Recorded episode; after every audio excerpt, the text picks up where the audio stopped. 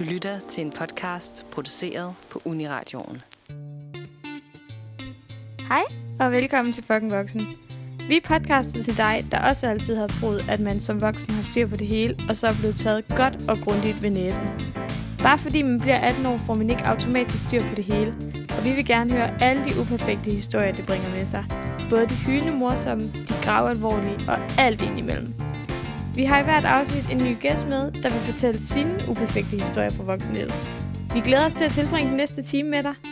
Vi hedder Olivianika og Selma. Velkommen til Fucking Voksen.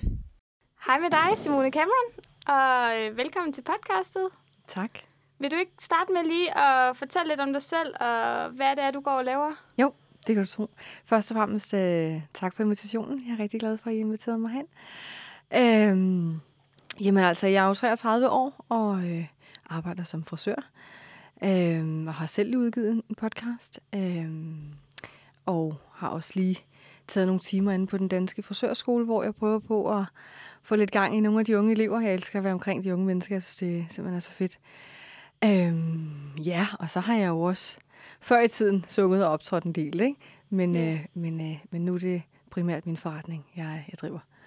Vi ved, at du har øh, sunget optrådt for bandet Sukkershock. Ja. Er der andet, du har øh, optrådt i? Jamen, jamen faktisk efter Sukkerchok, der, øh, der er jeg så heldig, at jeg, kan, jeg får muligheden for at bevæge mig ind i, i musicalverdenen. Øhm, og, og får faktisk mit første gig i, på Østergasværk i en kæmpe opsætning af en musical, der hedder Herre, som er en rigtig, rigtig vigtig fortælling øhm, med fantastisk musik. Øhm, og så har jeg lavet senere, så lavede jeg en hairspray i Tivoli, som jo også var helt vildt fedt. Øhm, men altså, det, der er mange forskellige ting forbundet med, hvorfor at jeg har gjort, som jeg har gjort. Men, men jeg fandt i hvert fald ud af, at jeg synes, at det var mere udfordrende øh, for mig at være i musicalverdenen, fordi at det er jo sang, dans og skuespil. Øhm, og de, den kombination af de tre ting, synes jeg var, øh, synes jeg er fantastisk. Ja. Er det noget, du stadig laver den dag i dag, eller har du virkelig lagt det på hylden? Lige nu, nej. Altså, jeg, har, jeg fik nu, jeg har, er så heldig, at, at nogle gange så ringer de og spørger, jamen, øh, kunne det her være noget for dig? Jeg har lyst til at komme ind på en audition, så siger jeg det. Jeg har så her de seneste år sagt nej, simpelthen fordi jeg har en forretning, jeg er nødt til at drive. Og når man skal være på sådan en produktion, så river du i hvert fald halvt år til et år ud af kalenderen. Ikke? Og det, øh, jeg kan mærke, at jeg nået en alder, hvor øh, jeg kan ikke jonglere en forretning og en forestilling. Det kunne jeg godt, da jeg var lidt yngre, men det kan jeg ikke mere. Det skulle for hårdt. Det var da også imponerende. Ja. Mm. Fra den ene ting til den anden, så øh, vi ved, at du har haft en svær barndom. Mm. Øhm, og derfor bliver det her program i dag måske lidt en smule anderledes, end det plejer at være.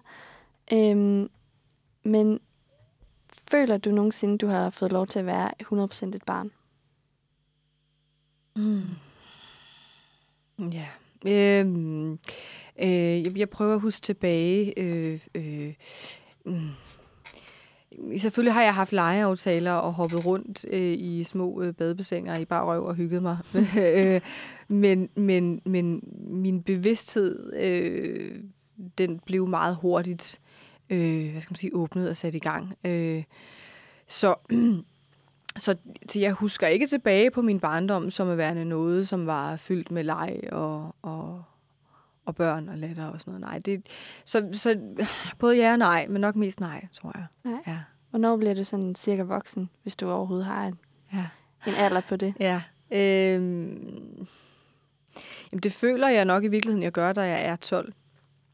Øhm, fordi at jeg på det tidspunkt bliver konfronteret med, at jeg ligesom skal tage stilling til, at, at, øh, at, at der er noget misbrug i, min, i mit hjem, eller der, hvor jeg bor. Ikke? Øhm, og det, det var sådan rimelig øh, hardcore, at min mormor satte mig faktisk bare ned og sagde, altså nu skal du høre her. Ikke? Det, det er sådan her, tingene hænger sammen, og det skal du forholde dig til. Øhm, og derfra, der var det som om, at hele den her hemmelighed, jeg havde gået med hele mit liv, den, så kom katten ud af boksen, ikke? Så Mm. mm. var det ikke noget, jeg bildte mig selv ind. Så var det rigtigt, at det, der foregik derhjemme, var ikke helt normalt. Så ja, nok fra jeg er 12. Mm. Det var tidligt, ja. Mm. Så ja. kunne du næsten, øh, altså så kunne du ikke ignorere det længere, efter din mormor har sat dig ned der. Nej, Nej. det kunne jeg helt sikkert ikke. Øhm, mm, børn, de har jo nævnet til at lave overlev, overlevelsesstrategier, ikke? Ja, det, det gør vi jo i virkeligheden hele vejen ned til, jeg tror, vi er måske fem år. Øhm, Og, og, øh, og hvordan overlever man noget, der er svært? Jamen, du, du finder muligheder, du tænker kreativt, øh, du lyver, øh, du fortiger, du finder på. Og det blev jeg jo bare mester til, kan man sige. Øh, ja. Føler du dig svigtet som barn, siden du var i et, i et hjem med misbrug? En, svigtet, det, det, er sådan, åh, det er sådan et svært ord, fordi alle forældre, tror jeg, uanset hvad de... Øh, det kan også være, at man har forældre, der er psykisk syge. Ikke? Øhm, jeg tror, de gør alt, hvad de overhovedet kan inden for deres formåen for at passe på os. Så jeg føler jo ikke, at, at øh, min mor og far har svigtet mig. skal sige, at min, min far er ikke misbrug overhovedet, og dejlig, dejligt menneske har også taget sig rigtig meget af mig. Øhm, men, men, men jeg føler mig måske... Øhm, øhm, jeg føler mig måske... Jeg, jeg, jeg blev måske ikke mødt som barn. Sådan, sådan vil, jeg, vil jeg sige det mere end, end...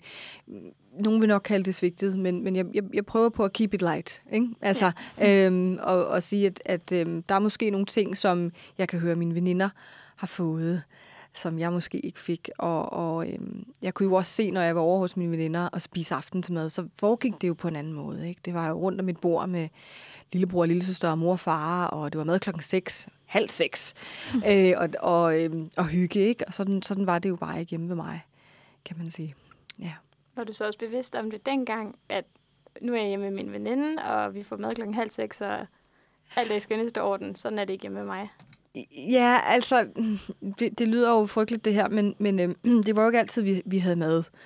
Øh, så når jeg fik chancen for at spise ude, så, så galt det jo om at spise så meget, som jeg overhovedet kunne.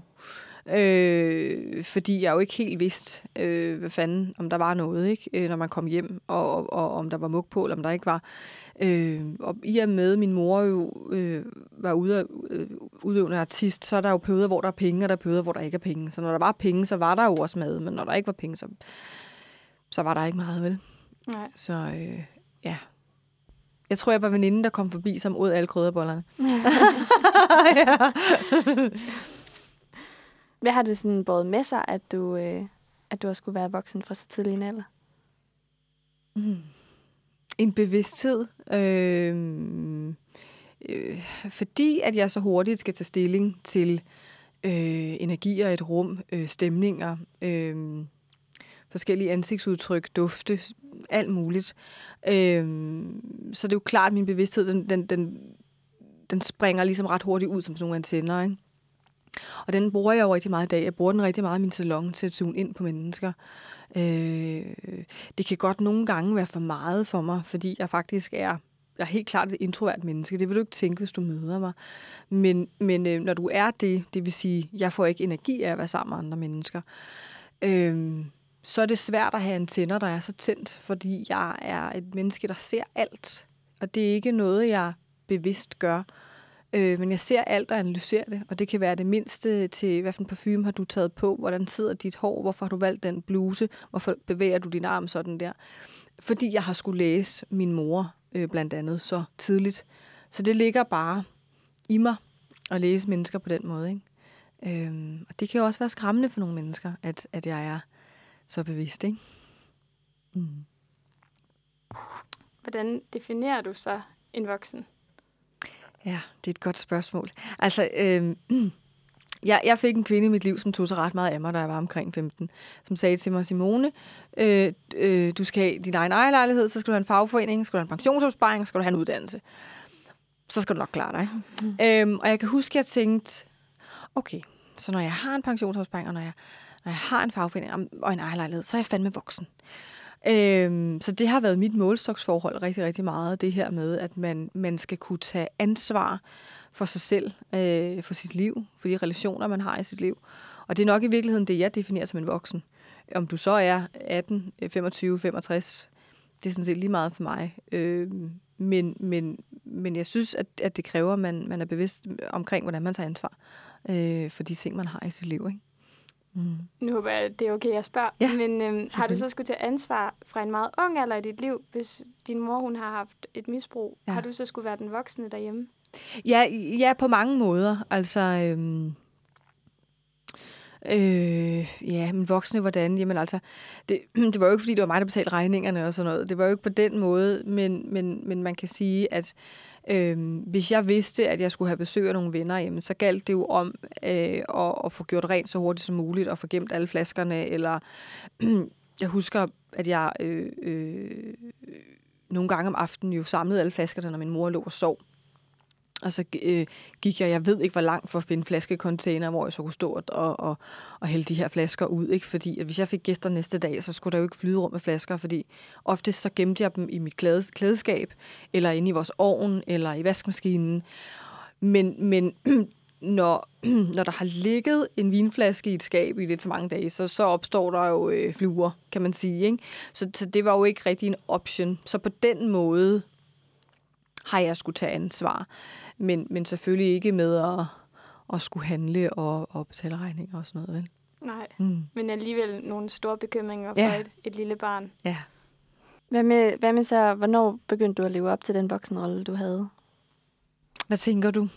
Hvad, hvordan, øhm, altså hvis du ser bort fra, at sådan, hvis du ikke tjekkede af, nu har jeg en ejerlejlighed, nu har jeg en fagforening og sådan noget, hvornår følte du sådan ellers, at du var en voksen, og levede du op til den rolle?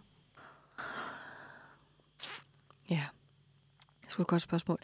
Øh, jeg, jeg tror første gang, jeg måske vælger at blive selvstændig i virkeligheden. Øh, jeg, jeg synes jo, 20'erne på mange måder er en kæmpe legeplads. Øh, og jeg synes, at man skal boldre sig i sine 20'er og have det fedt. Og, øh, og være okay med, at man stadig ikke øh, kan styre en brændert. Og, altså, øh, fordi at, at helt naturligt, helt biologisk set, sker der bare noget i kroppen, øh, når du bliver 30. Øh, så øh, mm, i mine 20'er, selvom jeg blev selvstændig der og følte mig voksen, fordi nu havde jeg mit eget firma, så er det nok i virkeligheden først som, ja, da jeg blev 30, at jeg sådan tænkte, okay, nu, nu, nu, nu, nu er det sådan, at hvis øh, jeg står på en klub, og der er en, der siger klokken 3 om natten, vi skal have shots, nej, det skal vi ikke. Eller klokken 5 om morgenen, vi skal videre, nej, det skal vi ikke. øh, nu ved jeg ligesom det, hvor det gjorde jeg da ikke, da jeg var 27, 28, 25, 24, så var jeg bare, ah, jeg har jo altid været sådan en pige, som, det kunne godt blive vildt, men det kunne sagtens blive vildere, ikke? Ja, Ja. der var ikke nogen grænse. Nej, nej, og, og, og det var der jo ikke, fordi at jeg også, og det snakker jeg også om i min podcast, jo selv havde et voldsomt misbrug. Ikke? Det var jo en af de ting, jeg selv udviklede ved at vokse op i det. Det var jo, at jeg havde et voldsomt kokainmisbrug i mange år. Øhm, så, øh, øh, ja, hvornår fanden voksen? Ja, jeg vil sige 30. ja. Ja. Bum, så fyldte du 30. Yes. Så skete der et eller andet Ja. biologisk. Og så, Ja. ja. hvornår havde du et kokainmisbrug? Øh, det starter, da jeg er 14. Øh, jeg startede med at ryge rigtig meget has. Øh, og øh, øh, jeg, jeg, altså, jeg boede i en lille by, øh, og, og øh, jeg begyndte så at hænge med de forkerte. Og så, havde, altså, så var jeg jo også vokset op med at se det, så for mig var det jo ikke så, så unormalt. Øh, og øh, øh, så mødte jeg nogle, nogle lidt slemme fyre, da jeg var øh, 14 år, øh, og, og dem skulle jeg selvfølgelig spille smart over for, og lød selvfølgelig som om, at jeg havde prøvet sig coke masser af gange, ikke? Og de har jo været i 20'erne, og de var bare sådan, ah, du tager bare, du tager bare, ikke? Og så gjorde jeg jo bare det. Og så øh, ret hurtigt, så blev jeg afhængig. Og øh, oftest, øh, når man vokser op med misbrug på den måde, jeg er, øh, så kan man også godt have det, der hedder en afhængighedspersonlighed. Altså det kan simpelthen ligge i dine gener, at du har en tendens til at blive afhængig. Øh, så for mig at så coke en gang, jamen, så var jeg addicted, ikke? Det var der slet ikke nogen tvivl om. Ja. Og så var det, da du var 15, at du fik at vide, at nu skal du Ja. til at få din egen lejlighed og sådan noget. Ja. Ja. Men der var du, havde du et misbrug imens. Ja, ja. Ja. Ja, ja. Helt vildt. Øhm, jeg tror, at første gang, jeg går i rehab, der er jeg øh, 16 eller 17. Det er første gang, jeg, øh, jeg, jeg søger hjælp om, øh, altså til at komme ud af mit misbrug. Øh, Øh, på det tidspunkt var der noget, der hed bagmændene, øh, som man kunne komme ind i som ung og få hjælp. Øh, øh, og det holdt jeg jo også i en periode, men altså, så røg jeg jo tilbage, ikke? Øh, og så kom jeg senere ind i noget, der hedder NA, ligesom der, noget, der hedder AA for anonyme alkoholikere, og så er der NA, narkotika anonym, ikke? Øh, og så startede jeg vel, da jeg var 19 eller 20, og kommer så ud af mit misbrug, da jeg er, ja, nok 22, ikke? Ja.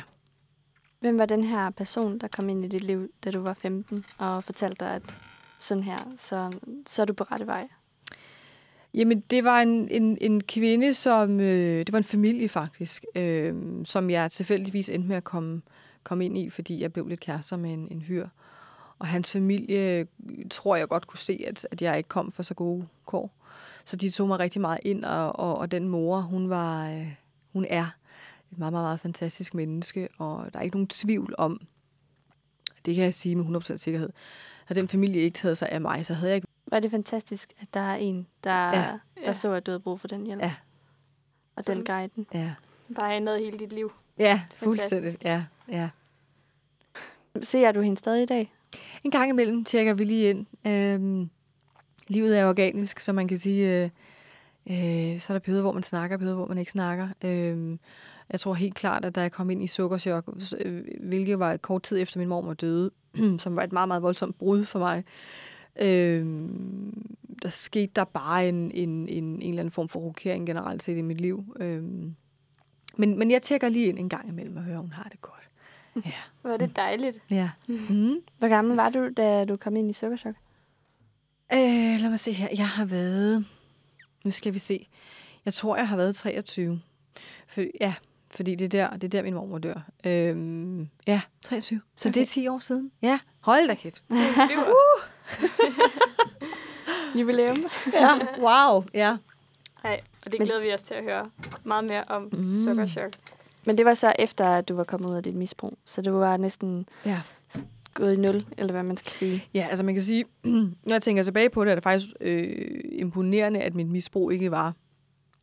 Øh, min mormors øh, sygdomsforløb varede fire måneder. De ringede til os og sagde, øh, Essa er syg, hun dør om fire måneder. Og øh, jeg kan huske, at jeg fik det opkald, jeg gik på strøget med min storebror. Og så begyndte jeg bare at skrige. Øh, og min storebror, han skreg også. Vi stod vidderligt bare på, på strøget og skreg.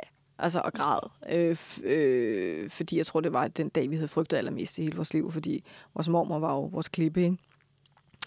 Øhm, og jeg er faktisk overrasket over, at mit misbrug ikke stak fuldstændigt af der. Men jeg tror, det var, fordi jeg vidste jo godt, at jeg skulle være der. Så jeg kunne jo ikke være øh, helt fucked up på kokain, vel? Altså, øhm, og det var også en del af mig, som jeg ikke lukkede hende specielt meget ind, ind i, fordi jeg ville jo ikke have, at hun skammede sig over mig, vel? Øh, ikke fordi jeg tror, hun havde gjort det. Det havde hun ikke. Men, men, men det er jo klart, det tænker man selvfølgelig. Ikke? Du havde brug for de fire måneder med hende ved klar bevidsthed. Ja, det, det, det, ja, jeg skulle have alt med, jeg, jeg overhovedet kunne nå at få med.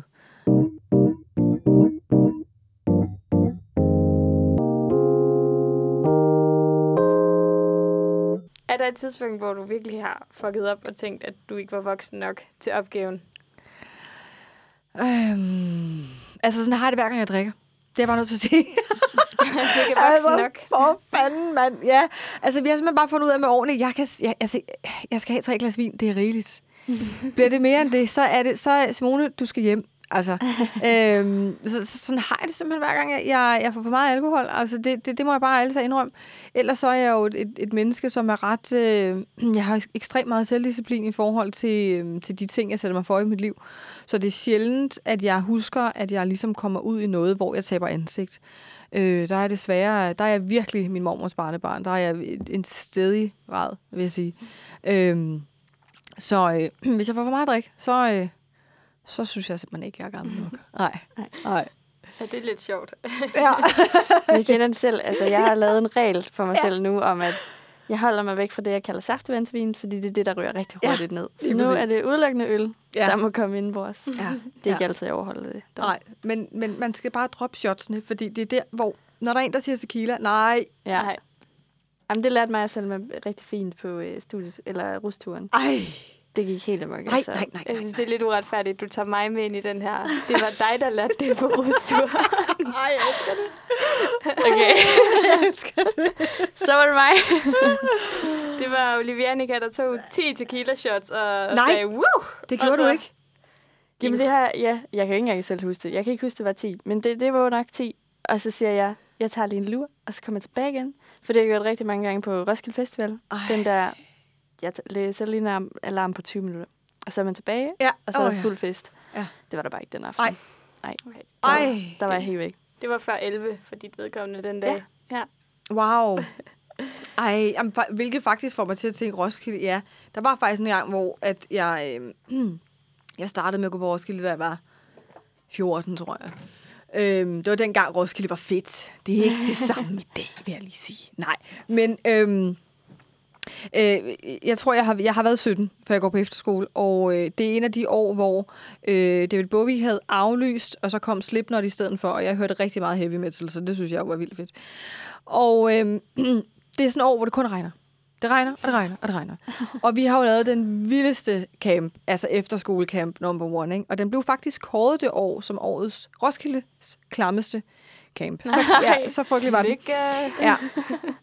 Og, øh, og, men det var som, alle var sammen med alle. Drengene havde sex med drengene, pigerne havde sex med pigerne. Altså, det var bare sådan noget, oh my god, hvor var det voldsomt. Og så, og så på et tidspunkt, man kunne få sådan nogle regnslag, ligesom sådan en lunatelt, hvor der lige er hul i, ikke? Ja. Mm. Og så sidder jeg i den her camp, i det her lunatelt, en morgen, fuldstændig færdig. Jeg kan se mine ting, de flyder bare Nej. i regn. Drengene vælter rundt, og jeg er bare sådan her, jeg skal hjem nu. Og så får jeg ringet til min far, og min far, min far han, han er rigtig stedig. Han får simpelthen mødet sig ind foran security. Ingen, intet armbånd, intet kommer ind og henter mig, bærer mig op i det her Luna-telt. Hele vejen ud af Roskilde Festival. Bare sådan, jeg skal bare forbi her, min datter skal hjem. altså, og der var jeg bare sådan, jeg er ikke gammel nok til at være på Roskilde Festival, hvis jeg ikke kan overleve regnvejr. Ja, Ej, hvor luksus, han bare lige kom og hentede dig. ja ej, men der er min Som far i. en helteting. Ja, det. Ja, jeg sov en uge bagefter. Ja. Ej, jamen det er jo ofte sådan en, en to ugers ferie. Sådan, du hygger dig i en uge, og så kommer du langsomt tilbage til overfladen den næste uge. Jeg bliver bare lige nødt til at høre, hvad skal der til, for at man vinder Roskildes glamste camp? Jamen, jeg ved ikke, hvor jeg skal starte. altså, jeg gik jo også på en efterskole, hvor drengene havde lavet en... Øhm, de kaldte den kokken. Hvad fanden var det nu, det var? Det var en, øh, øh, en plastikbøtte, hvor øh, jeg tror, de fleste af drengene havde tisset og siddet ned i den. Mm. Og så havde man så gemt den i jorden. Så det er det niveau, vi sådan cirka er på her. Ja. Okay. Ja.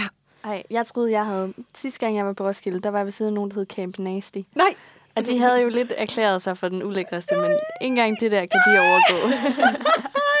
Ej, det var vildt. Ja, det var vildt. Ej, hvor Hvordan, du siger, at Roskilde var, var federe før i tiden. Ja. Hvordan var det anderledes? For jeg tror lige i 14, der var jeg lige for ung Ja. til at være der. Øhm, jamen, første gang jeg er på Roskilde, har jeg overhovedet en billet, eller hopper vi over hegnet? Jeg kan ikke engang huske. øhm, kommer ind, og det var jo, altså, og så var det jo sådan, der var øst og vest. Hvis du boede i vest, så var du, altså, så var du for fin. Der var kun et Nå. sted. Du kunne kun bo i øst, fordi så var du, så var du altså hardcore, ikke? Så vi boede selvfølgelig i, i, i øst, øh, mig og min bedste veninde. Øh, og vi var bare sådan nogle rigtig rødder, ikke? Altså. Og øh, jeg husker bare første morgen, jeg vågner. Vågner jeg ved, at jeg kan høre piskesmæld. Lyner ligesom det her telt ned. Og kigger ud og ser jo bare en mand, der står i Jesus stilling og bliver bare pisket af en heavy metal, dødsmetal sanger klokken 6 om morgenen. Og er bare fuld klar til fucking Roskilde Festival. og så galt det jo bare om at ryge sig fucking skæv, og så skulle man op i hoppeborgen. Der var en hoppeborg Nej. dengang. Jo, det galt om at ryge sig fucking skæv, og så op i hoppeborgen, og så skulle man bare hoppe hele dagen der, se nogle koncerter, men så om natten, mm-hmm. så skulle man i teknoteltet. Teknoteltet. Og det var der, altså, der stod man jo bare og plukkede æbler hele natten. Helt blæst på kokain stod man bare hele natten. Og det var jo ligesom det, var jo ligesom det som, ja, det var det, man synes var fedt dengang, ikke? Altså, hvis der sidder nogen fra Roskilde Festivals bestyrelse derude, så kæmpe fejl, I ikke har en hoppeborg mere. Kæmpe. Det er da virkelig skid, at jeg har misset. For lige det fikset, tak. Ja. Til næste gang. Ja, Hvor, men hvor er det bare kogt? Altså, det er jo en fest for voksne mennesker, men ja. de tænker, Hoppeborg? Ja. ja Ja. selvfølgelig. Ja, jamen, jamen altså, det, det, men altså, vi var jo også, styr, mig og min vi var fuldstændig vanvittige, så det er jo faktisk, når jeg hører mig selv sige det, det er jo helt utroligt, og det er det fandt sted, men det gjorde det altså. Det lyder altså fedt, men også voldsomt. Godt forstå, at du sov en uge. ja, det kan jeg virkelig. Ja. Jamen, nu har jeg bare lyst til at høre om alt muligt på Roskilde, men vi skal jo ligesom videre. Ja. øhm, jamen, skal vi tage et spørgsmål om, hvad, hvad det er for nogle tilfælde, hvor du har været voksen, som du blev en tidlig alder, men ikke har kunnet finde hoved og hale i det? Øh, jamen altså, lad mig. Jamen, jamen jeg, der, der må jeg faktisk, og det lyder sådan lidt ananas i egen juice-typen, men der er ikke så mange af de tilfælde, fordi at jeg har været voksen så hurtigt. Øh, og jeg lever generelt set efter et mantra, der ligesom hedder, lav en plan, eksekver og kom i mål. Og det lyder jo super tørt, altså. Men, men, men, men det er det, der gør, at jeg opnår de ting, jeg skal, og kan finde ud af at holde styr på alt. Jeg er en pige, der har 10.000 projekter altid. Det ved alle folk, der kender mig. Jeg har også en lille sort bog, hvor alting bliver skrevet ned i, og så planlægger jeg og eksekverer og kommer i mål. Ikke? Og der er faktisk aldrig noget, jeg ikke er kommet i mål med. Øh, og hver gang jeg ligesom har startet noget nyt og sagt, okay, jeg skal gøre det her, jeg skal have ansvar for det her, og den her person og det her. Så det skulle bare altid lykkes. Øh, jeg tror, altså jeg, min selvdisciplin, og så har jeg bare et, et virkelig stærkt mindset, ikke? Så jeg, jeg vil ønske, at jeg kunne svare dig på det der på en virkelig grineren måde, men, men det, det kan jeg simpelthen ikke. Ja. Men det synes jeg også bare, nej, nej, det, synes jeg også bare, vores lyttere skal have med, at du kan lægge en plan for dig selv. Og ja. så kan det være, at ikke alle derude kan overholde den, men mm. det er da et mega godt råd at sætte ja. for sig selv. Det synes jeg. Nogle mål. Altså, mm. det, det er jo, jeg synes jo, vi lever i et meget spændende samfund i forhold til unge mennesker. Tænk på, hvor mange unge iværksættere der er, og mange folk, der gør deres egne ting, og det er jo fantastisk. Jeg elsker det. Jeg sidder altid derhjemme og tænker, ja, hver gang jeg hører noget nyt. For, og også fordi det er, ikke, det er ikke kun mændenes spil, det her. Der er fandme også mange unge kvinder, der gør noget. Ikke? Altså, så, så, kan, så kan man sige, at man, øh, der er nogen, der ikke synes, det er credit at være blogger, men jeg har det sådan lidt, hey, de driver en business. Yeah. Det er jeg nødt til at tage hatten af for, regardless. Øh, og det kan jeg bare godt lide. Altså, jeg elsker mennesker, som er sådan, okay, jeg vil gerne det her. Fedt, jeg gør det. Jeg elsker det. Så det er pragtfuldt. Ja. ja. Det er faktisk meget sjovt, fordi jeg synes, hvis, man, hvis jeg kigger på min forældres generation, øh, specielt min far, han havde noget, han gerne ville, ja.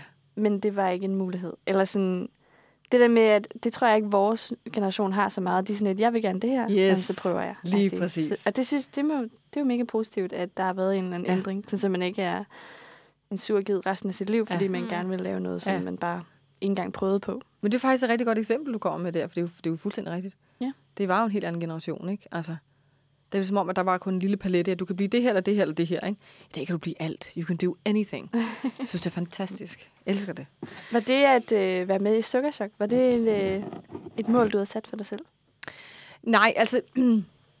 det, øh, der er selvfølgelig der er nogle detaljer i forhold til det, jeg ikke helt kan komme ind på, men øh, da min mormor dør, der, øh, øh, der har jeg på en eller anden måde sat mig for, at jeg i hvert fald skal... Jeg er nødt til at fortsætte i, i, i branchen, som min mor og min mormor kommer fra, fordi at jeg skal føre det her navn videre, og det havde jeg ligesom sat mig selv i hovedet, fordi jeg er jo vokset op i et hjem, hvor øh, musik og kunst, det var jo altså... Øh, du var kun fed, hvis du forstod musik. Altså, så, så, så, så blev du anerkendt, ikke? Øh, men der snakker vi jo ikke... Jeg er jo ikke vokset op i et hjem med Shubidua og TV2, vel? Altså, jeg er vokset op i et hjem, hvor det var hardcore fusionsjazz øh, og øh, øh alt muligt øh, specielt musik. Og det, at, det, hvis du ikke forstod det, så var du ligesom bare ikke fed. Og sådan var det bare. Og min, min mor er jo meget højt uddannet inden for musik, og er jo fuldstændig vanvittig teoretisk dygtig. Og hun var meget... Det, det skal du ligesom bare kunne. Øh, hvor min mormor var mere blød og mere rund og mere sådan, syng for fanden. Lad os nu bare se, hvad du har, ikke? Men de begge to underviste på konservatoriet, så der lå jo bare et kæmpe pres. Øhm, og jeg har jo hele mit liv kunne mærke, at i og med, at jeg hed Cameron, jamen så lå der bare en forventning om, så er du fed. Så kan du musikteori, eller så kan du synge ligesom Whitney Houston. Der lå bare sådan en, Øh, så, så da hun dør, der, der, der, øh, der, der kan jeg godt mærke, at jeg, sådan, okay, jeg skal lave noget musik, jeg ved ikke lige, hvad jeg skal. Og så præsenterer den her, øh, hvad skal man sige, ham, der har lavet Sukkerchok, han præsenterer projektet for mig. Og øh, jeg tænker, why not? Fordi jeg var meget rundt på gulvet, der min mormor døde. Altså, det, jeg, jeg var hverken fuld eller fisk. Mm. Og øh, jeg lyttede no- noget musik igennem og tænkte, okay, maybe this can be fun. Øhm, og så kommer jeg jo ind i en gruppe, som jo allerede var etableret, kan man sige. Ikke? Og der var jo selvfølgelig lidt... Man kom lidt ind i en hule, hvor jamen, der havde været noget, noget vibe før, som måske ikke var så fed med det sidste medlem, uden det var egentlig rigtig noget, jeg blev draget ind i. Ikke?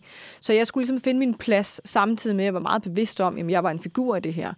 Øh, ligesom man havde Sugar Babes, ikke? Altså, du havde en, en lys og en mørk og en mellemfarve, ikke? Altså, så var jeg ligesom den mørke pige i gruppen på en eller anden måde. Så forstår jeg, jeg mener? Jeg var ret bevidst om, at, at det her, det bliver en rolle, jeg skal indtage. Det bliver ikke mig. Ja. Øh, og det troede jeg egentlig godt, jeg kunne, men det fandt jeg ud af, at det kunne jeg ikke. Det kunne, det, det kunne jeg simpelthen ikke. Hvad var det for en rolle, du skulle indtage? Jamen, når, når jeg ser tilbage på, på, på min tid i det, så er ikke nogen tvivl om, at der sad, der sad dygtige producer, sangskriver og, og, og pladselskaber, alt det her bag det. Øh, men for mig var Sukkerchok et entertainment act.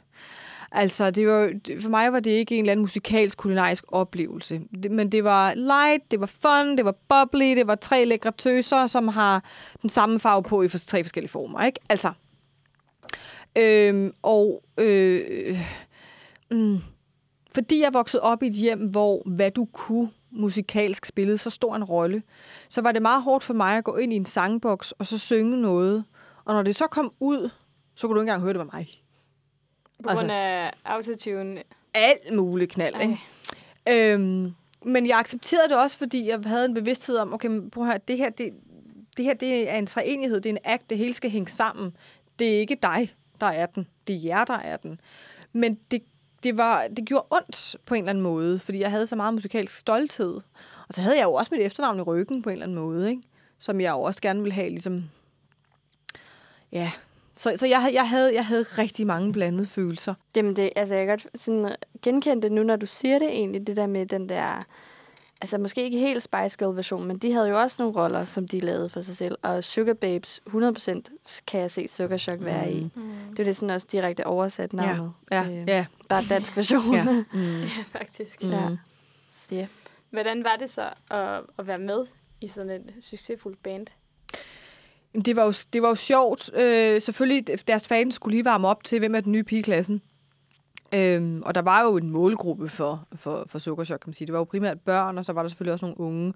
Så var der også nogle ældre, men det var jo altså meget sådan, hvad skal man sige, forældre, ikke?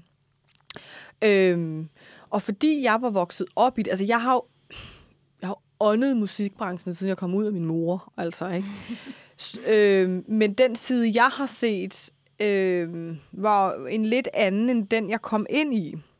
Så jeg kendte ligesom branchens spilleregler, men det var ligesom bare øh, på en lidt mere sådan... Øh, det, ja, det er sgu svært at forklare, men det var bare... Jeg, jeg følte mig jo hjemme, fordi jeg kendte det. Jeg kendte jo også alle folk i den branche, men jeg var også bare sådan lidt... Øh, hvad er det, jeg laver her? Jeg kunne ikke rigtig finde ud af det. Øhm, og, og jeg har kæmpe respekt for både Kat og Malene, for jeg synes, de begge to har nogle fantastiske talenter. Men vi var også bare tre kvinder, ikke? som alle sammen på en eller anden måde ville make it. Og jeg var jo ny, så jeg var ligesom nødt til at holde mig ydmyg over for, at de havde ligesom en del år på banen øh, over mig. Ikke? Øhm, ja, så jeg, jeg husker specielt en gang, hvor vi, øh, vi havde det skide skægt. Altså, vi havde det skide skægt. Men, men der var en gang, hvor vi skal optræde til, jeg kan ikke huske, hvad fanden det var. Og vi sov bag det her bagtæppe, som skal falde, inden vi skal, ligesom skal på. Og der blev jeg jo altså bare råbt og skrevet, ikke? Fra den ene anden til den anden. Og jeg ved ikke, om vi var oppe og skændes som kostume, eller hvad fanden det var. Og lige da det tæppe falder, bang, så stod vi bare ikke? Altså, øhm, og der kan jeg huske, at jeg tænkte, okay, om ikke andet, så er vi fucking professionelle. Om ikke andet. Og, og det, det synes jeg var fedt. Altså, og det, det, det vil jeg give Kat og Malene. De, de, de var sgu professionelle. Det, det, det må jeg bare sige. Ja. Det lyder som noget fra en film. Ja, ja. Scene fuldstændigt. Altså, fuldstændigt. Øh, vi havde det skideskægt, men vi havde også vores, vores moments, og det er jo klart. Øh, ja. Kostymer, ikke? Hvem, hvem får lov til at have toppen på? Hvem skal have jakken på? Hvem skal have den høje hæl? Hvem skal have den flade hæl, ikke? Og det kæmpede jeg ret meget med i starten, fordi jeg var jeg havde taget meget på på det tidspunkt i mit liv, og øh, synes, det var, synes ikke, det var skide sjovt, at Kat fik lov at være nøgen, og jeg skulle stå i en kæmpe skjorte og være hende den tykke. men omvendt ville jeg jo heller ikke være nøgen, men det var bare sådan en... Ja, jeg var også være lækker. Det bliver også meget sådan en, altså, eller det kan jeg forestille mig, sådan en sammenligningsmiljø øh, sådan, når, hvis du har den der tætsidende ting på, så skal ja. jeg også se lige så godt ud i ja, den der tætsidende fuldstændigt. ting. Ja. Ikke? Altså, jeg, jeg, jeg, det, jeg kan huske, at jeg blev mere og mere blond for hver måned, der går. Ikke? Og til sidst er jeg jo, jeg har lyst til at sige, at jeg har platinhår til sidst, jeg har simpelthen brændt alt mit hår af. Øh, fordi jeg vil også bare, fordi så tabte jeg mig rigtig meget. Og så vil jeg fandme også bare være lækker, ikke? Altså, så vil jeg fandme bare ligne sådan Beyoncé og, mm, og du ved, ikke? Øh, og, og når jeg kigger tilbage på det, så tænker jeg jo sådan, altså Simone her, for fanden altså. Fald nu ned, du så da skøn ud. Ja, ja, ja. Det vil jeg sige, det, det gør du stadig. Nå, det er tak. Hvis jeg må komme med så udstede en kommentar.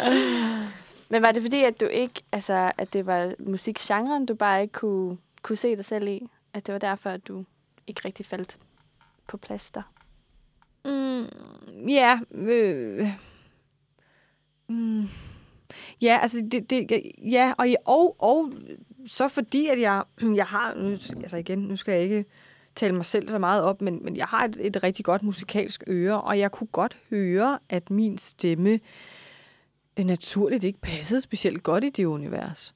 Øh, jeg har bare, jeg havde bare en helt anden klang. Altså, øh, Malene har jo en fantastisk popklang. Altså, det, det er helt skøn. Og Kat havde den her sådan lidt sexede missestemme, som også var enormt skøn.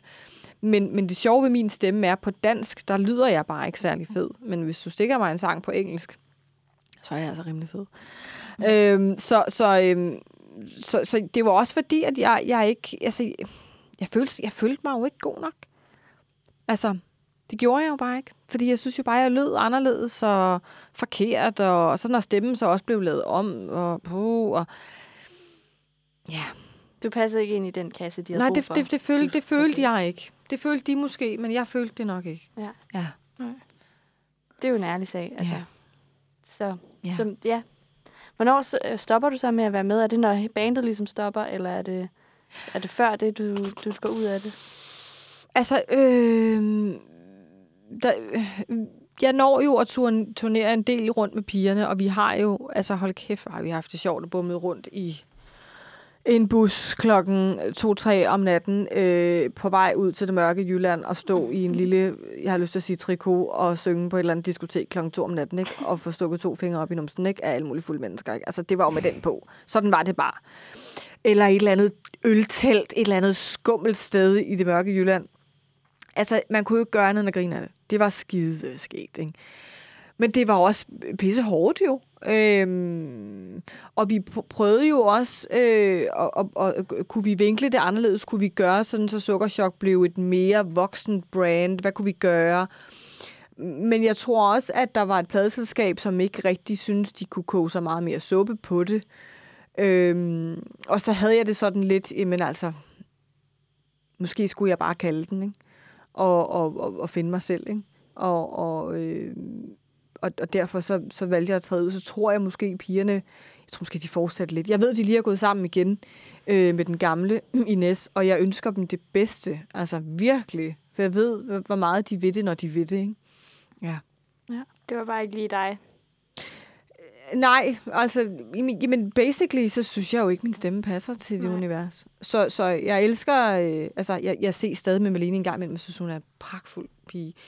Øhm, men men min, min klang passer sgu bare ikke til det univers. Så øh, ja. ja. Sådan er det jo bare. Ja, ja. Følger der nogle stereotypiske historier med, når man er en del af musikmiljøet? Øh, hvad, hvad, hvad tænker du? Hvad mener du? Uh, jeg tænker... Ja.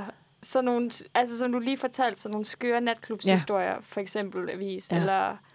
Jamen ja. selvfølgelig, altså det, det, det gør der jo. Altså, øhm, man kan sige, det der jo lidt er med entertainment business, øh, lad os bare tage musikbranchen, som jeg jo øh, på mange måder, altså hold kæft, den er hardcore. Altså jeg nu har jeg jo også selv været kæreste med en, som, som, er, som har været i det i, han har været i det 10 år, jeg var sammen med ham i 8,5 af dem, ikke? Øhm, og og øhm, det er, det er altså lige meget, hvor stor du er, det er så hardcore at være i den branche der. Og, og, og jeg, jeg synes jo oftest, at mange kendte kan godt lide at juice den med andre kendte, ikke? Altså kan godt lide det der med, at man lige kan pappe den lidt op sammen på de sociale medier, og lige sådan, så hænger jeg lige med den der, lidt med sammen med den der, du ved. og øhm, igen, fordi jeg også er vokset op omkring det, så kan jeg jo godt nogle gange få sådan lidt, altså, jeg kan godt, jeg kan godt blive sådan lidt, oh, giv mig noget, der er ægte, ikke? Øh, så, så jeg synes, der er meget sådan noget... Der er alle de typer, man regner med i det, ikke? Og der er også nogen, der føler sig selv måske lidt for meget. Så er der også nogen, som jeg synes burde føle sig selv endnu mere. Øh, men, men, men, men, men jeg tror, alle har hjemme, specielt fordi rigtig meget musik herhjemme er jo på dansk, så skal du turnere rundt i Danmark rigtig, rigtig meget, og, og, øh, og så, så tror jeg bare, det gælder om at få det bedste ud af det, og så er det sådan set lige meget, om du skal spille i et lille lortetelt øh, i det mørke Jylland, eller om du spiller på ind i parken. Altså, så tror jeg bare, det gælder om at få det bedste ud af det. Øhm, fordi stereotyper vil der skulle altid være i den branche. Ham den smarte pladeselskabsmand, eller øh, en anden, der lige klapper dig i røven, ikke? Bare fordi, jamen altså, det er jo sådan, det er, ikke? Ja, men der skal nogle flere piger. Der er mange i, på den danske musikscene. De mangler, jeg ved ja, ikke, hvor de er. Henne. Ja. Ja. ja. det synes jeg bestemt også. Ja. Det snakkede de faktisk. Vi havde et andet band med inden ja. Blæst og snakkede ja. om. Jeg kan faktisk ikke huske, hvis det var i podcasten eller bagefter. Det var ikke i podcast. Det var ikke i podcast. Nej. Men vi snakkede også om, hvor meget de savnede ja. nogle øh, kvinder. Og også bare, ikke, ikke bare som artister, men også altså bagved, behind the scenes ja. og sådan noget. Ja. Fordi at de er jo derude. De skal bare lige komme frem. 100. 100 procent. Men hvad er, det, hvad er det vanvittigste, du har været ude for i musikbranchen? Der er ikke, altså jeg vil sige, det er ikke sådan noget, sådan noget crazy på en negativ måde, men jeg vil sige, at jeg synes, det var fantastisk, at øh, vi fik, jeg kan ikke huske, hvad det var i forbindelse med, men vi, der var sådan en eller anden kæmpe, et eller andet kæmpe event i parken, hvor alle mulige artister skulle spille, og der fik vi simpelthen lov til at spille i parken med Sukkerchok. Og det var jo bare sådan, okay, fuck, det er jo for sindssygt, ja. det her. Øhm, og, og det var også bare, altså når du får det, der hedder en in på, som er sådan en lille som siger speaker, du får ind i øret, hvor du så hører musikken, og så synger du til det. Øhm, og det har noget at gøre med, ellers så, så bouncer lyden frem og tilbage i sådan nogle store rum. Øhm, det, det, det, var så, øh, det var så vildt at opleve det Altså at stå derinde, det synes jeg var helt ekstremt. Øhm, og så kan jeg huske, at det var Buber, der var vært, og så tager han mig frem på scenen, og så, siger, så begynder han at snakke min mormor, fordi min Buber kendte min mormor rigtig meget. Og så siger han et eller andet, øhm, og så står jeg bare fucking i parken og store tuder en mikrofon sammen med Buber, og bare sådan... Okay det var ret fedt, altså. Det lyder helt vanvittigt. Ja, det er fantastisk dejligt, ja. Gik koncerten godt så? Ja, altså igen, når det er så stort et sted, jeg har, det gav mig en helt anden respekt for, for, for kæmpe, kæmpe artister, der spiller arenature, fordi det er jo det er et helt andet lydbillede, det er en helt anden ting, du skal være opmærksom på, ikke? så du skal, du skal fandme være tight, når du står sådan et stort sted. Ikke? Så, men, men, men det gik godt, og, øh, og, og, og var en sjov dag, og fantastisk, at man fik lov til det. Øhm, og så vil jeg så også lige sige, de fløj os jo til Mexico, for øh, vi skulle... Vi havde den, øh, endnu en titelsang til Paradise Hotel. Og der fløj pladeselskabet os hele vejen til Mexico. Vi bumlede op ad en bakke af et bjerg. Det der Paradise Hotel ligger på et eller andet bjerg, et eller andet ødsted. I fire timer. Udover at vi havde fløjet 24 timer. Ind og synge playback. Øh, tænder mig, tror jeg, vi skulle synge. Den tog vi om 10 gange, for det var så varmt. Øh, og det, om det var simpelthen så Nå, og så ind og sove, og så hjem igen dagen efter nærmest, Ej. ikke? Øh, jeg tror måske, vi var der i to dage, jagtigt. Ej, det var altså også bare fuldstændig vanvittigt. Det var simpelthen så hårdt. Øh, fordi vi havde så meget jetlag, ikke? Ja. Øhm, ja, det, det, den, den var tof. Ja. Det lyder helt vanvittigt at flyve i, altså rejse i 28 timer for lige at indspille en sang, og så... Ja, så stod man der. Hej. Ja. ja. Og jeg sov ikke hele natten, for der var simpelthen så mange, øh, hvad hedder de der geckoer på mit værelse, og ja, nej, Nå, det var frygteligt. Ja. ja. Så kan du også kunne stille af, at du har været i Paradise Ja, du har jo teknisk set været på Paradise Ja, det synes jeg ikke, vi skal snakke om. mm. hopper vi lidt elegant videre. Ja. Men øh, hvad gjorde så, at du sluttede med musikken? Du havde ikke lyst til sådan, når du nu fandt ud af, når den her er ikke så meget mig, jeg kommer fra et andet musisk hjem, en anden slags musik. Mm. Hvad, havde du ikke lyst til at gå den vej så? Det, det var der en, det, det kommer til at lyde lidt komplekst det her, men, men øhm, grundet det, jeg voksede op i, så, så det kreerede jo faktisk rigtig meget mindre værd i mig. Øhm, og på den måde kan man sige, at det var meget fint at gå ind og skulle spille en eller anden form for rolle i Sukkerchok, fordi så kunne jeg ellers ikke rigtig være mig selv. Øhm, for jeg havde så meget angst forbundet med at skulle være Simone Cameron. Øhm, fordi hvad for en forventning lå der til, hvad jeg kunne. Og, og jeg følte, at altså, lige siden jeg har været helt lille, ikke? Øh, alle de backstage-lokaler, jeg har været i, alle de ting, altså alle de vanvittige musikere og skuespillere, jeg har været omringet af hele mit liv, kiggede jo altid ned på mig som sådan en, you're gonna be the next big thing, ikke? Altså, øhm, det skabte så meget angst i mig, at, at, at det der med faktisk at skulle performe, hvis jeg skulle være mig selv, og det er stadig noget, jeg dealer med i dag. Øhm, det har jeg ikke rigtig, jeg har ikke rigtig kommet mig over det. Øhm, faktisk. Og, og da jeg får muligheden for at lave musicals igen, øhm, der kan jeg huske, fordi det, det, det, det fuckede mig simpelthen så meget op, fordi den første musical der, jeg får lov til at lave her der, det var det første gig, jeg havde fået på bare at være Simone. Jeg gik ikke til audition som Simone Cameron eller som Simone fra Sukkerchok. Jeg gik til audition på bare at være mig. Og, øhm, og så fik jeg det her job, og jeg tænkte, oh my god, jeg skal optræde på Øster Gasværk med Sanne Salemonsen, altså bare for at starte et sted. Wow. ikke? Øhm, og øhm, vi var tre sangerinder, der var blevet hyret på det her. Resten var dansere eller skuespillere. Og øhm, en uge inden premieren, så samler instruktøren os, og jeg havde fået en solo, de to andre piger havde fået en solo, ikke? Og, og, og jeg, jeg, havde, jeg havde faktisk mod til at synge det her. Jeg var sådan, ja, det kan du godt det her, ikke? Og det gik godt under alle prøverne, og folk synes jeg var fantastisk.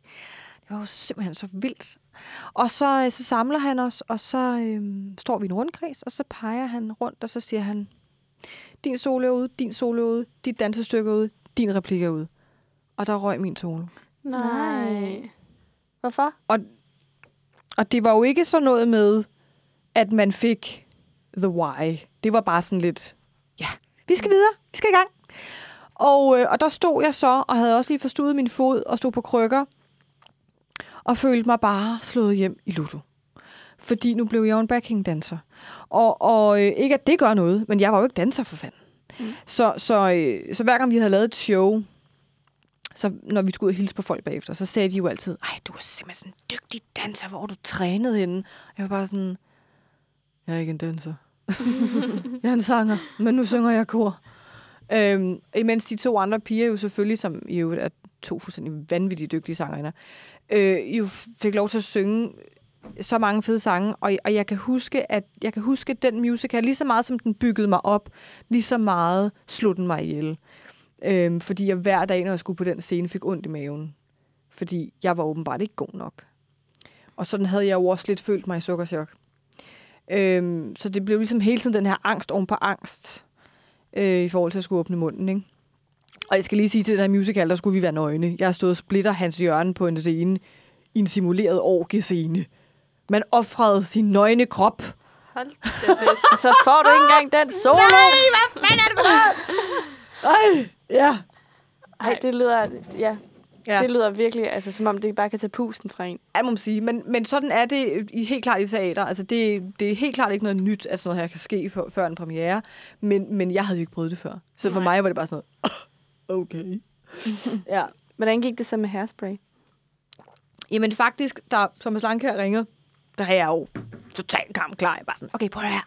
Jeg skal minimum have det her, og jeg skal minimum have det her. Og han var bare sådan, ja, ja, ja, ja. og, øhm, og, og så er han sådan, men jeg skal lige høre dig synge. Og så møder jeg op i et eller andet lille lokale, op i Tivoli. Og så skal jeg freestyle et eller andet nummer sådan on the go. Og så var han bare sådan lidt, fedt, du har jobbet. Og så er jeg bare sådan lidt, okay, men jeg skal have en solo. Ja, tak. Og, og så var han bare sådan, ja, vi skal lige blive blød. Og så var jeg sådan lidt, jamen, hvad betyder det? og så skulle jeg så agere i en rolle med to andre piger, hvor vi så havde nogle solostykker. Øhm, og jeg kigger tilbage på den tid, som er værende en af de mest fantastiske tider i mit liv. Altså få lov til at stå på scenen med Martin Drømmen. hver dag. Altså, øhm, Karoline Henderson, Silas Holst, øh, ej, men, Julie Sankenberg, det, det, altså, at få lov til at stå med sådan hold hver dag, det var jo bare sådan en lille mig. Ja. Ikke? Tænk, jeg får lov til det. Fantastisk. Ja, Det lyder helt fantastisk. ja men det var det. Fantastisk. Og det var efter her. Ja, Ja. ja. Så var det også godt, du lige kom op Ja. på hesten igen. Ja, I needed that. ja, ja. ja. Jeg synes også bare, at den måde, du fortæller det på, så altså, jeg kan blive helt 12 år gammel igen og Ja. være sådan, åh, bare kigge op på de store stjerner, der bare Ja. danser og ser flot ud. Ja, Fantastisk. helt vildt. Hvordan har det så været efterfølgende at, altså at være kendt som hende? Ja, nu har vi jo været lidt inde på det med, hvordan Ja, ja, ja. det har været at være kendt som øh, din mormor og din mors Ja, ja, ja. og datter. Men hvordan har det været at være kendt som hende fra Sukkerchok? Øhm, altså, øh, ja, jeg, nu er jeg ærlig. Det er ikke noget, jeg, jeg skal stadig sådan lige nogle gange... Øhm, folk, folk vil jo gerne nogle gange snakke med mig om det, eller øh, for eksempel øh, her for en måned siden inde på frisørskolen, der har jeg et hold, og så kan jeg høre ned ad gangen, at den der sang tænder mig bliver spillet. Og så ved jeg godt, når jeg møder ind til dem som deres lærer lige om lidt, ikke? Mm-hmm. så kommer de til at sidde sådan her. du ved, ikke? Og så tænker jeg, okay, det gør vi. Keep it light, keep it light. Og så kommer jeg ind, og så er jeg bare sådan, nå, skal vi tage den? og så synes jeg selvfølgelig, det er skideskægt, fordi det er noget, der har fyldt i deres liv. De har måske gået derhjemme og sunget Tænder mig, og synes, det er fantastisk. Men der er jo også andre situationer, hvor det kan være dating, eller en ny arbejdsplads, hvor de bare kan lige runde den. Og der kan jeg godt blive sådan lidt, mm, really? Altså sådan, det, der, der synes jeg ikke... Øh, også fordi, at den periode i mit liv var dark, og det har ikke noget med Kat og Malene at gøre, eller hele den produktion, der var bag Sukkerchok. Men det er noget at gøre med, hvor jeg var i mit liv. Øh, og, og, og når jeg ser billeder af mig selv fra den periode, så kan jeg slet ikke se, det er ikke mig. Jeg ved ikke, hvem, hvem den person er, men, men, men det er sgu ikke mig. Øh, på et tidspunkt, der er jeg heldig, at jeg får lov til at lave nogle øh, madprogrammer, sådan noget fire stjerners middag og øh, rod i køkkenet eller sådan noget. Øh, og det er mig. Så når jeg ser det, der kan jeg godt se, hov, der er jeg. Øh, men, men, men det andet der, det, det, det, det er bare ikke mig. Ja. Nej. Mm. Det lyder også virkelig irriterende, at man så skal du... Du bliver på en måde mindet om en tid hele tiden, altså Ja. ja. frem og tilbage. Ja. Men kan du huske dengang, hvor du ikke havde det dårligt? Er det nærmest som om folk Ja. siger, når de siger, kan du huske dengang, du var i sukkerchok? Ja, ja, ja. Ja. Altså, det, det, er jo, det, det er ikke fordi, jeg... Altså, prøv at det gav mig også nogle fede ting. Det er ikke det. Så det har ikke noget med projektet at gøre. Det har noget at gøre med, hvor jeg var inde i Mm. mig selv. Ikke?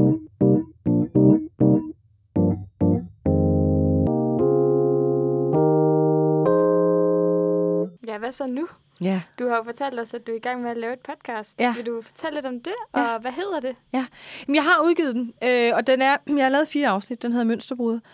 Og øh, den handler jo om, om øh, ja, hvad handler den om? Den handler om den adfærd, der, øh, der ligesom bliver til, når du vokser op med omsorgsvigt eller misbrug.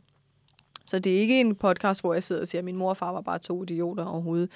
Øh, men det første afsnit er, er min historie, som jo, som I allerede har hørt lidt, den er, den, den er tof. Øh, fordi at, at der har været der har været mennesker omkring mig, som mm, måske nogle gange har, har gjort nogle ting, som ikke var så rare. Ikke? Altså, der, der har været misbrug, og der har været vold, og der har været overgreb, og der har været mange grimme ting. Og øh, hvordan går man fra det til der, hvor jeg er i dag? Jamen altså, der skal brydes et mønster. Ikke? Og det synes jeg er vigtigt at fortælle, fordi jeg også i virkeligheden er blevet opfordret af mange til at fortælle det.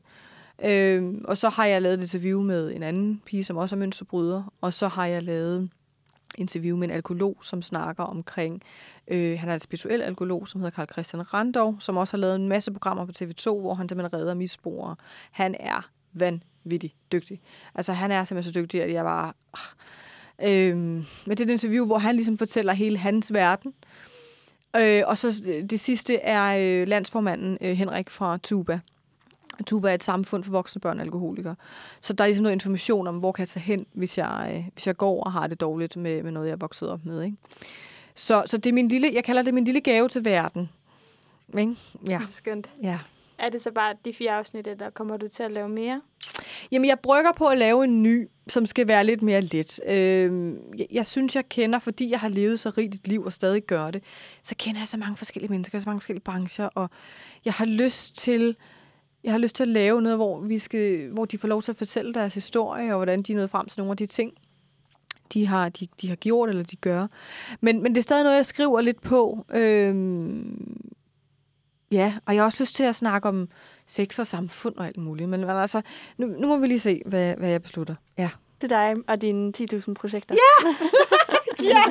Men de lyder alle sammen vildt spændende. Ja, ja fedt. Jeg. Tak. Jeg har ja. lyst til at ja, høre den, du har allerede nu Fedt. til at starte med. Fedt. Dejligt.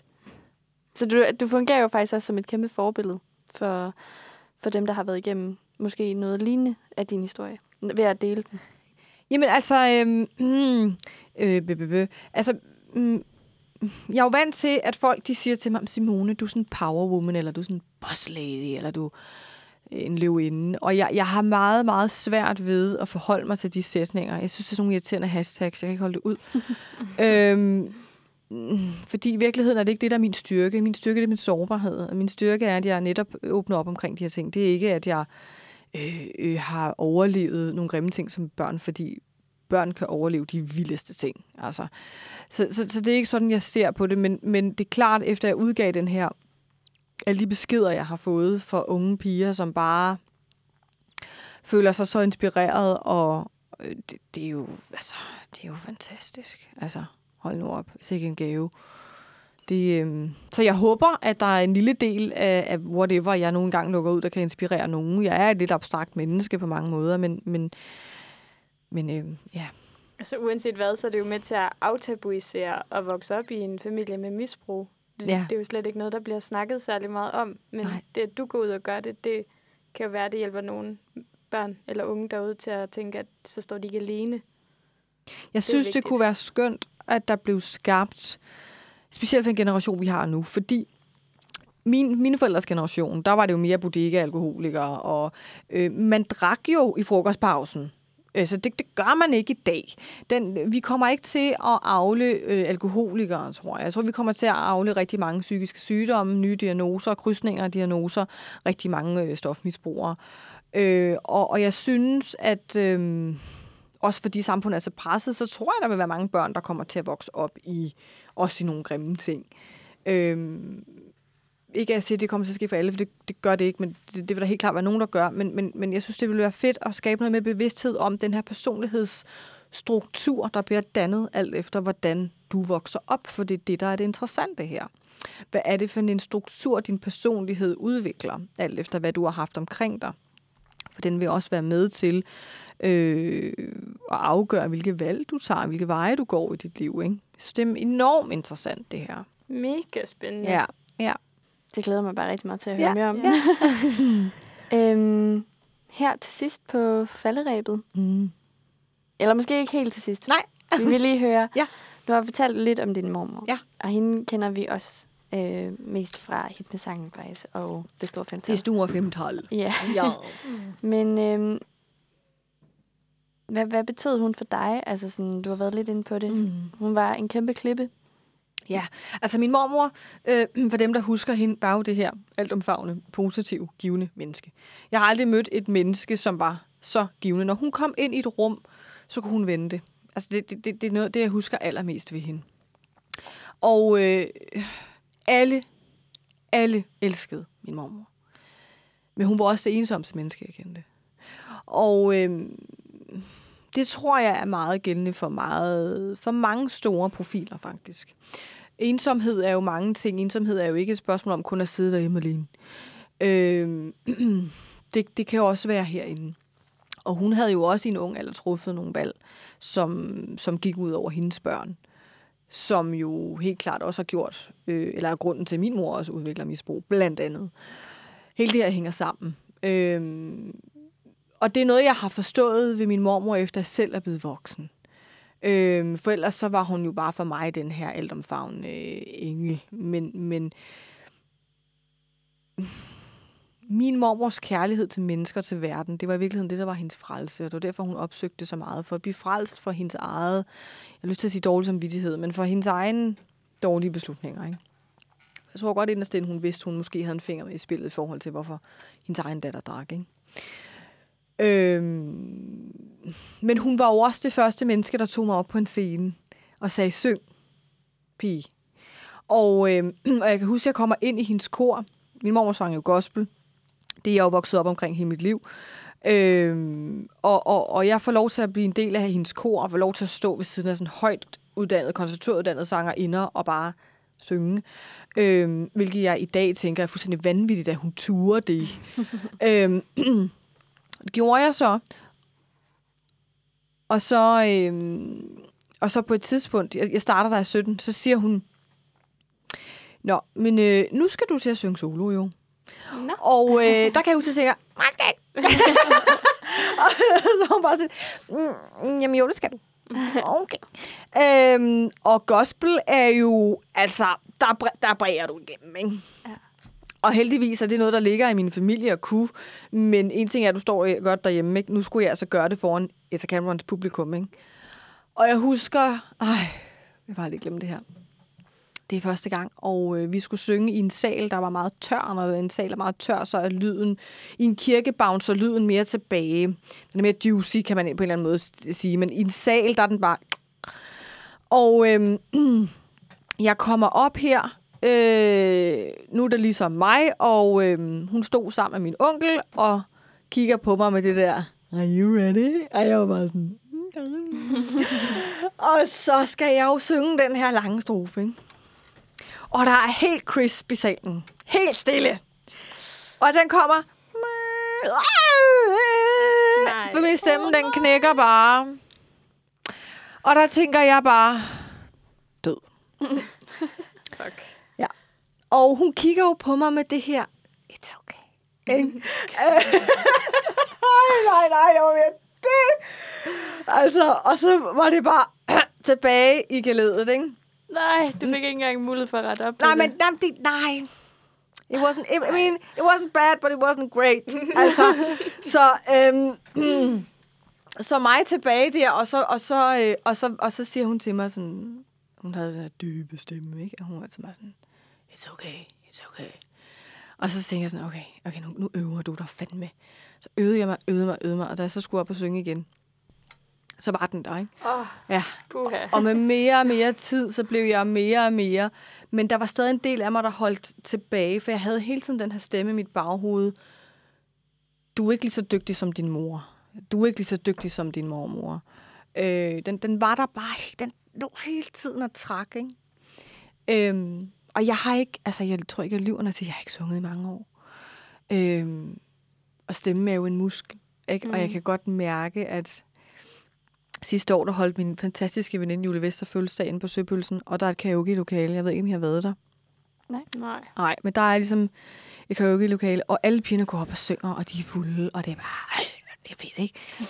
og jeg tænker, okay, nu er det din tur. Nu skal du med at vise de her piger, hvordan fanden man gør det her, ikke? Og så tænker jeg sådan, Simon, du har ikke sunget i tre eller fire år, det kan du ikke. Så tænker jeg, fuck det, jo. Så jeg bunder min drink, og så siger jeg, okay, tøser, I sætter bare den der på med Christina Aguilera, og så fører jeg den. Og så fyrer jeg den jo max af, og blev jo bare mindet om, hvad fanden det er, jeg kan. Det var fedt. Og pigerne var jo bare sådan, Hæ? kan du synge? For de har ikke kendt mig i så mange år, Nå. de her piger. Så, så de var bare sådan, okay. Hvor kom det fra? ja. Så, nå, det var en lang historie, men, men, øh, men ja, hun har, hun har betydet, hun har selvfølgelig betydet alt, og, øh, og, og der er ikke nogen tvivl om, den dag hun døde, der var der helt klart en del af mig, der også døde, men, men øh, it's okay. Ja, Hun har været en vigtig person Ja. i dit liv. ja, ja. ja. Lige her til sidst, hvis der var et råd, du kunne give videre til nogle unge mennesker, der står i den situation, du gjorde, da du var ung, Ja. hvad skulle det så være? Øhm, opsøg Tuba. Øhm, der er gruppeterapi, der er individuel terapi. Øh, jeg synes, gruppeterapi er fedt, fordi at du får lov til at spejle dig i stedet mellem seks eller otte andre mennesker.